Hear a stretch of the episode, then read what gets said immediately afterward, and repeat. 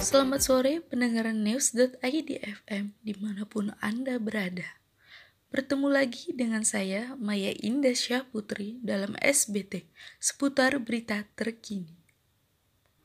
Banjir bandang melanda kota Medan dan sekitarnya dalam tiga hari terakhir ini.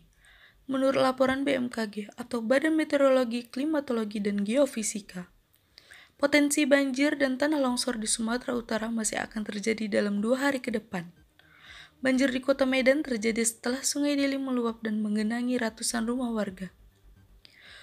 Menurut Raja Juan Poda Pasaribu, warga dari desa Alur atau Kecamatan Tanah Pinem, Kabupaten Dairi, Sumatera Utara. Padahal saya hari ini mau ke Medan untuk berkunjung di tempat teman saya. Tapi karena ada berita di jalan lintas Medan Brastagi ada banyak tanah longsor dan ditambah di Medan sedang ada banjir bandang. Jadi saya mengurungkan niat saya untuk ke sana demi keselamatan saya.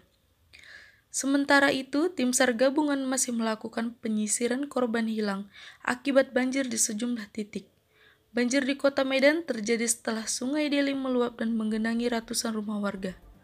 Sekian berita dari saya, Maya Indasya Putri mengabarkan.